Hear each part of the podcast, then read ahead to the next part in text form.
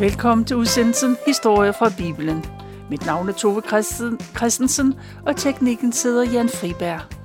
I dag fortæller jeg noget af det, der står i første Mosebog i det gamle testamente.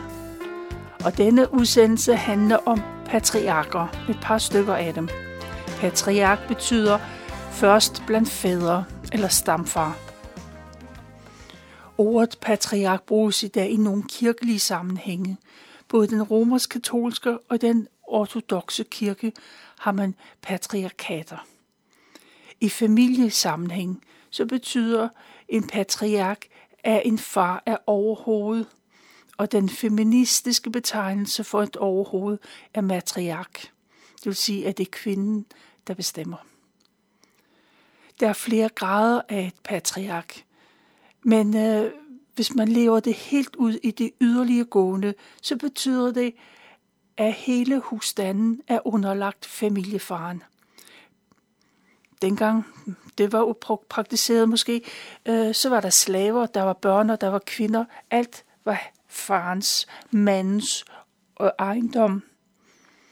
Og i den ekstreme form, så var det den ældste mandlige slave, der arver, når patriarken dør barnløs. Bibelhistorien omtaler Abraham, Isak og Jakob som patriarker, og de praktiserer den yderlige gående form. Der er ingen, der sætter spørgsmålstegn ved deres afgørelser, i hvert fald ikke åbenlyst. Gud udser Abraham til at være stamfar for sit folk, israelitterne. Bibelen fortæller meget om Abraham, om hans liv og hans tro. Han, hans søn Isak hører man ikke så meget om, men han er ikke uden betydning, for Gud har også kaldet ham til at videreføre slægten. Isak er mest kendt for at være Abrahams søn og Jakobs far. Men man kender Isak fra historien om, at han blev gjort klar til at blive offret til Gud. For Gud sagde til Abraham, at han skulle ofre sin søn Isak på, på Moria bjerg. Abraham gør sig klar til at adlyde Gud. Han når så langt, at han løfter kniven for at dræbe sin søn. Der råber Gud fra himlen, og en væder bliver offret i stedet for Isak. Den her stærke beretning om Abraham og Isak er jo et billede på, Is- på Jesus. Isak er et billede på Jesus, der, Jesus, der offrede sit liv på korset. Jesus blev ikke reddet af et offerlam. Han var offerlammet. En anden beretning om Isak øh, skal vi høre lige om lidt. Den gamle Abraham er død, og hans søn Isak er nu patriark overhovedet. Isak og hans kone Rebekka, de bor i telte, som øh, de har slået op på en vensmark, som øh, ligger i det sydlige Kanaan. Familien har ingen fast ejendom, det eneste jord, de ejer, er familiegravstedet, der hvor Isaks forældre, Abraham og Sara, er begravet. Isak er et rigtigt familiemenneske, og han har stor respekt for sin kone. Selvom det er et arrangeret ægteskab, så holder de to mennesker meget af hinanden. Isak og Rebek har været gift i 20 år, og de har stadig ikke fået nogen børn. I de år har Isak ventet på, at Gud skal opfylde sit løfte om, at hans slægt skal blive stor. Men da Isak er 60, så mister han tålmodigheden. Nu beder han til Gud om at få en søn. Og Gud hører hans bøn, og der går ikke lang tid før Rebekka er gravid, og hun føder to tvillingedrenge. Først så kommer der en lille lodden rødlig dreng ud, han ligner en skinkappe. Hans bror kommer lige efter. Han holder den første fødte om helen. Isak og Rebekka kalder deres drenge for Isau og Jakob. Isau betyder den lodne, og navnet Jakob hentyder både til hel og til den, der udnytter andre. De to drenge vokser hurtigt op, men de udvikler sig meget forskelligt. Med tiden får de hver deres interesser og tilbøjeligheder. Isau er den ældste tvilling. Han er jæger og en dygtig bueskytte. Han tager ofte på lange jagtture, og han kommer tilbage med det vildt, han har skudt. Den få sekunder yngre Jakob er en helt anden type. Han holder sig for det meste tæt på hjemmet og er i nærheden af sin mor Rebekka. Og Jakob lærer at lave god mad. Det gør han ofte til, til familien. De to, mor, mor Rebekka og Jakob arbejder godt sammen, og de står hinanden nær på en særlig måde. Isak derimod, han foretrækker friluftsmennesket Isau, og han holder af at spise det kød, Isau kommer hjem med. De to, far og øh, sønnen Isau, de har en særlig fortrolighed. Familien de bor i et telte, der står permanent nede i Negev i det sydlige Kanaan, ikke langt fra Beersheba. Der har de boet lige siden Isak og Rebekka blev gift. Til teltpladsen hører der også en masse af slaver. Der er hyrder, der er tjener, der er tjenestepiger. De er alle med til at sikre, at Isaks tilpas blev passet og plejet. Og Isak ejer store flokke af får og geder, der kvæger kameler og æsler. Derudover så er Isak øh, guld og sølv og andre kostbarheder. Meget af det har han arvet efter sin far Abraham. Isak har også arvet efter sin far, eller Isak har arvet efter sin far, og hans ældste søn skal arve. Det er hans ældste søn, der kan, er kronprinsen. At have førselsfødselsretten, altså ret, den ret, man har, når man er født først, er noget særligt, for det er ham, der overtager formuen, og det er normalt ham, der bliver overhovedet for familien. Og i Isaks familie er det Isau, der er den første fødte. Han ved godt, han er arvingen, men det tænker han ikke så meget på i hverdagen. Han tager det måske som en selvfølge, noget han har ret til. Og som, som det ofte går, så regner han det ikke øh, for noget særligt, det man har.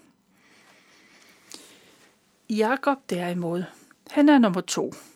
Han har ingen ret til at blive overhovedet for familien. Han, ham der lige blev født efter sin bror. Jakob tænker tit på det uretfærdige i den kendskærning. Selvom der kun er ganske få øjeblikke, der skiller, så er det nogle vigtige øjeblikke. Han gør sig mange tanker og forestillinger sig om, hvordan det kunne have været. Tænk, hvis det var ham, der var den ældste. Men Jakob har ikke kun et sinde og lade det blive ved tanken. Han vil handle på den. En dag er Jakob som så vanlig ved at lave mad. Han rører gryden med nogle røde linser. Maden dufter dejligt, og den er ved at være færdig.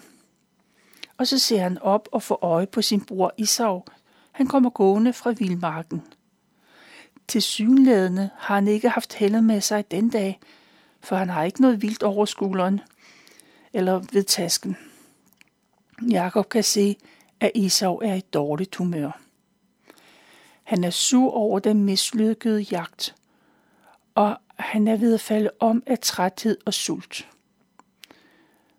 Duften af den gode mad fylder Isaus næsebor. Og Esau, han peger på gryden og forlanger, at Jakob skal give ham noget af de der røde mad, for han er ved at dø af sult. Og den snu Jakob, han ser en chance. Det, så her, som han så længe har tænkt på, ligger lige inden for rækkevidde, hvis han altså gør det rigtige. Derfor siger Jakob, ja Isau, du må gerne få noget af maden, men så skal han til gengæld have nogen have Esaus første fødselsret. Og Jakob forhandler med sin sultne bror. En ret linser for første fødselsretten. De skal bytte lige over. Esau kan virkelig ikke bekymre sig om sin arveret. Han er ved at omkomme af sult. Og så laver de to brødre en handel. Jakob får Esau til at sværge på, at han må få første fødselsretten. Og nu er din bindende aftale, og ingen af dem, der kan løbe fra den. Handlen er hurtigt overstået, og Esau får en tallerken med stuede linser og noget brød til.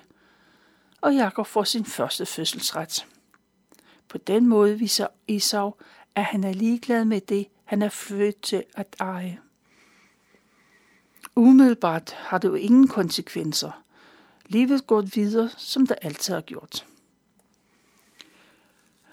Men der er en naturkatastrofe ved at udvikle sig.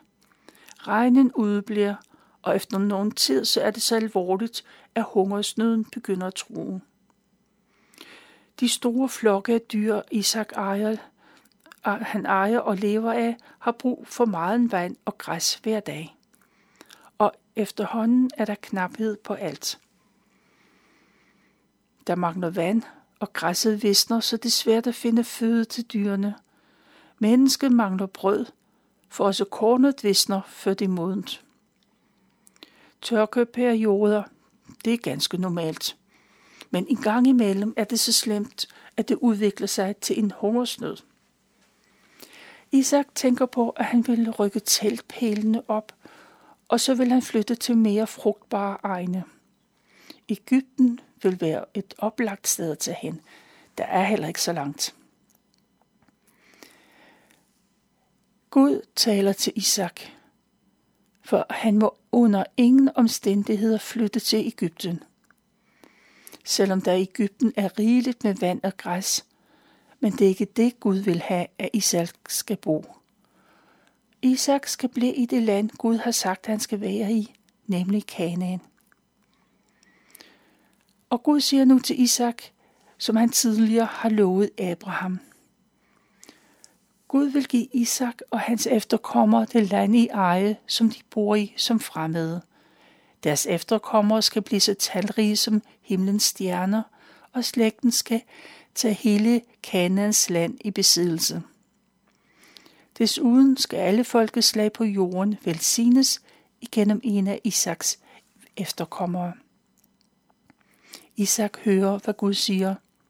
Måske er det første gang, Gud taler til Isak på den måde. Det er i hvert fald første gang, at vi hører om det. Gud har lovet at være med Isak, men der er jo stadigvæk hungersnød, og Isak holder fast i sin plan om at flytte. Han tager ikke til Ægypten, men han tager øh, ud mod kysten til Girar, der hvor filisterkongen øh, Abimelech bor. I øvrigt slog Abraham også engang sine telte op der, så Isak kender godt stedet. Isak slår sine telte op og indretter teltpladsen, og hans nye naboer kommer på besøg. De spørger Isak om, hvem den kvinde er, som han bor sammen med. Og Isak fortæller, at Rebekka er hans søster, for han tør ikke sige, at hun er hans kone. Isak ved godt, at hans hustru er en smuk og attraktiv kvinde. Og han er bange for at blive selv blevet slået ihjel, og Rebekka blev taget til kongens harem. Derfor fortæller han løgn til dem, der kommer. Og kongen hører om det. En dag står filisterkongen og ser ud af vinduet fra sit palads. Og så får han øje på Isak og Rebekka.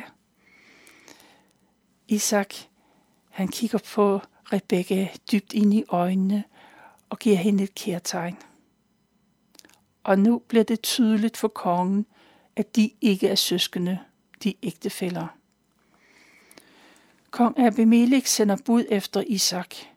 Kongen er vred og udbryder, hvorfor i alverden siger du, at Rebekka er din søster? Isak forsvarer sig og fortæller, at han er bange for at blive slået ihjel, hvis kongen tager Rebekka. Men kongen er ikke formidlet. Hvordan kan Isak udsætte dem alle for sådan en risiko? En af kongens mænd kunne jo tage hende og ligge med hende. Så ville Isak have bragt skyld over dem alle. så udsender kongen en erklæring, hvor han bekendtgør, at enhver, der rører Isak eller hans kone, skal dø. På den måde viser Gud sin omsorg både for Rebekka og for Isak. For Isak, så sker der det, at hans høst bliver rekordstor. Det år høster Isak 100 fold af, hvad der blev sået. Det vil på landmandsbrug sige, at hver gang han putter et korn i jorden, så kommer der et strå op med 100 korn på, på, på strået. Og det er usædvanligt meget. Isak, han er i forvejen en velhavende mand. Men nu bliver han rigere og rigere. Han får enorme mængder af får og geder og kvæg. Det, som er statussymboler, som man bliver målt på. Den rigdom gør naboerne misundelige. Til sidst er filisterne så sure på Isak, at de fylder korn i, eller jord. De fylder jord i alle hans brønde. Og det er Isaks brønde, fordi det var Abraham, der fik dem gravet, dengang han boede i landet.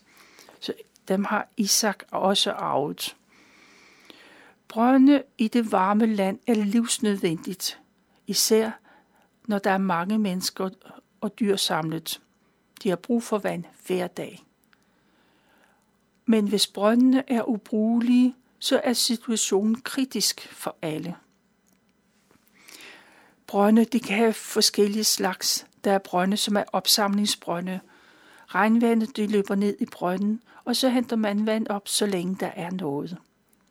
Der er også brønde, der har forbindelse med en underjordisk kilde. Og de brønde kommer der hele tiden nyt vand i. Uanset hvad det er, så er alle slags brønde vigtige, når man er foravler. Kong Abimelech han blev opmærksom på Isaks rigdomme og på sit folks misundelse. Derfor beder han Isak om at rejse. Tag et sted hen, et andet sted hen. Du er blevet for rig og for stærk. Sådan siger kongen til Isak. Og Isak vil ikke lave nogen problemer. Derfor flytter han sine telte op og videre. Han flytter lidt rundt, men til sidst så kommer han tilbage til Beersheba i Negev. Den første nat, han er på det sted, så taler en stemme til ham og siger, at han er Abrahams Gud. Isak skal ikke være bange, for Gud vil velsigne ham. Og Gud gentager, at han vil gøre dem til et stort folk, som han lovede Abraham. Efter Guds tale, så bygger Isak et alter og tilbeder Gud. Isak vil vise sin taknemmelighed til Gud. Derfor giver han sine slaver ordre til, at de skal grave en ny brønd. Den brønd skal være en gave til dem, der kommer forbi og har brug for vand. Brønden er til alle dem, der trænger til at få slukket tørsten. En dag får Isak besøg. Et fint besøg. Kong Abimelech kommer med sine rådgivere og sin herfører. Og Isak er ikke glad for det gensyn. Hvorfor kommer I her? spørger han. Han kan ikke forestille sig, at det skulle være et venskabsbesøg. Men det er det måske heller ikke. Men kongen og herføren svarer, at de tydeligt har set, at Gud er med Isak på en særlig måde. Derfor har de tænkt, at de burde lave en aftale med hinanden. En aftale, der går ud på, at Isak ikke vil gøre kongen fortræd. Kongen har jo behandlet Isak godt og lader ham rejse i fred. Isak tager positivt imod kongens ord. Og for at vise den holdning, så holder han en stor fest for sine gæster, og de får rigeligt både at spise og drikke. Næste morgen så aflægger de et højtidligt løfte, der skal besejle deres fredsaftale.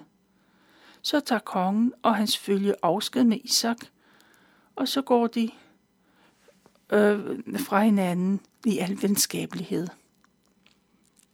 Kongen har fået afværget, at Isak er blevet så stærk, så de, han vil føre krig mod ham. Det vil Isak sikkert ikke, men kongen er bange. Samme dag kommer Isaks slaver og fortæller, at de har fundet vand i den brønd, der ved at blive gravet. De har ramt en vand over, så nu vil der altid være vand. Isak kalder brønden for Shiba. Det betyder id, ed efter det løfte kongen og Isak netop har lavet med hinanden. Det er nu klart for alle, at der er vand i området. Det betyder, at folk kommer strømmende til. Det kommer i hvert fald til. Og der opstår en by, der kaldes for Beersheba. Isak, nej, Jakob og Isau. Jakob og Isau er 40 år og gamle nok til at kunne gifte sig. Men deres far tøver med at finde en brud til dem. Isau, han tager sagen i egen hånd og han finder en pige fra omegnen, som han gifter sig med. Esau venter ikke på, at hans far får arrangeret et passende ægteskab, sådan som det ellers er skik.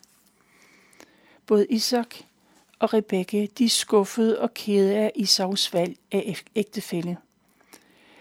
De ønsker at holde sig til Guds lov. Deres slægt skal ikke gifte sig ind i det hedenske folk, der bor i landet. Desuden er, er det Guds lov, at en mand skal holde sig til en hustru og ikke tage flere koner. For Esau har ikke kun taget én kone, han har taget to. Esau kommer senere til hed Edom, og hans stamme bliver kaldt for Edonitter. Senere i historien vil Esaus slægt og Jakobs slægt komme i strid med hinanden på flere afgørende tidspunkter men det er fremtid. For indtil videre bor Isau stadig i området som sine forældre, og Jakob er ugift og bor derhjemme. Isak er ved at blive gammel, og han er så godt som blind. Isak er klar over, at hans tid er ved at være forbi, og han vil velsigne sin ældste, ældste søn, så det igennem ham er Gud for sit folk. Isak, han kalder på sin ældste søn Isau, for han skal gøre forberedelse til det særlige arrangement, som der skal være. Den særlige højtidelighed. Og Esau skal tage sin bue og pil og gå ud og skyde et dyr. Og når han kommer tilbage, så skal han lave noget mad, og når Isak har spist, så vil han velsigne den ældste søn. Men Rebekka, Isaks hustru hører, hører det hele igennem teltvæggen. Og hun er ikke enig med sin mands beslutninger. Rebekka ønsker, at hendes yndlingssøn Jakob får sin fars velsignelse. Da Esau er gået, så kalder Rebekka på Jakob, og de to går sammen om en plan, der skal tvinge Isak til at velsigne Jakob. Jakob han henter to af de bedste gedekid i flokken. Så laver Rebekka sin mands yndlingsret, og Jakob bliver klædt, så han kommer til at ligne sin bror. Og maden er færdig, og Jakob går ind til sin gamle blinde far og serverer maden for ham. Jakob forsikrer, at han er Isau. Isak, han lader sig overbevise, og så giver han sin velsignelse til Jakob. Nu har Jakob snydt sig både til førstefødselsretten første fødselsretten og til sin fars velsignelse. Og Jakob går ud af teltdøren, og så går der ikke lang tid, før Isau kommer tilbage. Og Isau opdager, hvad der er sket. Han bliver vred på sin bror. Han bliver så vred over, at han også er blevet snydt, for Guds velsignelse. Men Jakob har fået den, og det er gennem Abraham, Isak og Jakob, at Gud får sit folk, israelitterne. Det er, hvad jeg har valgt at fortælle fra 1. Mosebog, kapitel 25, 26 og 27.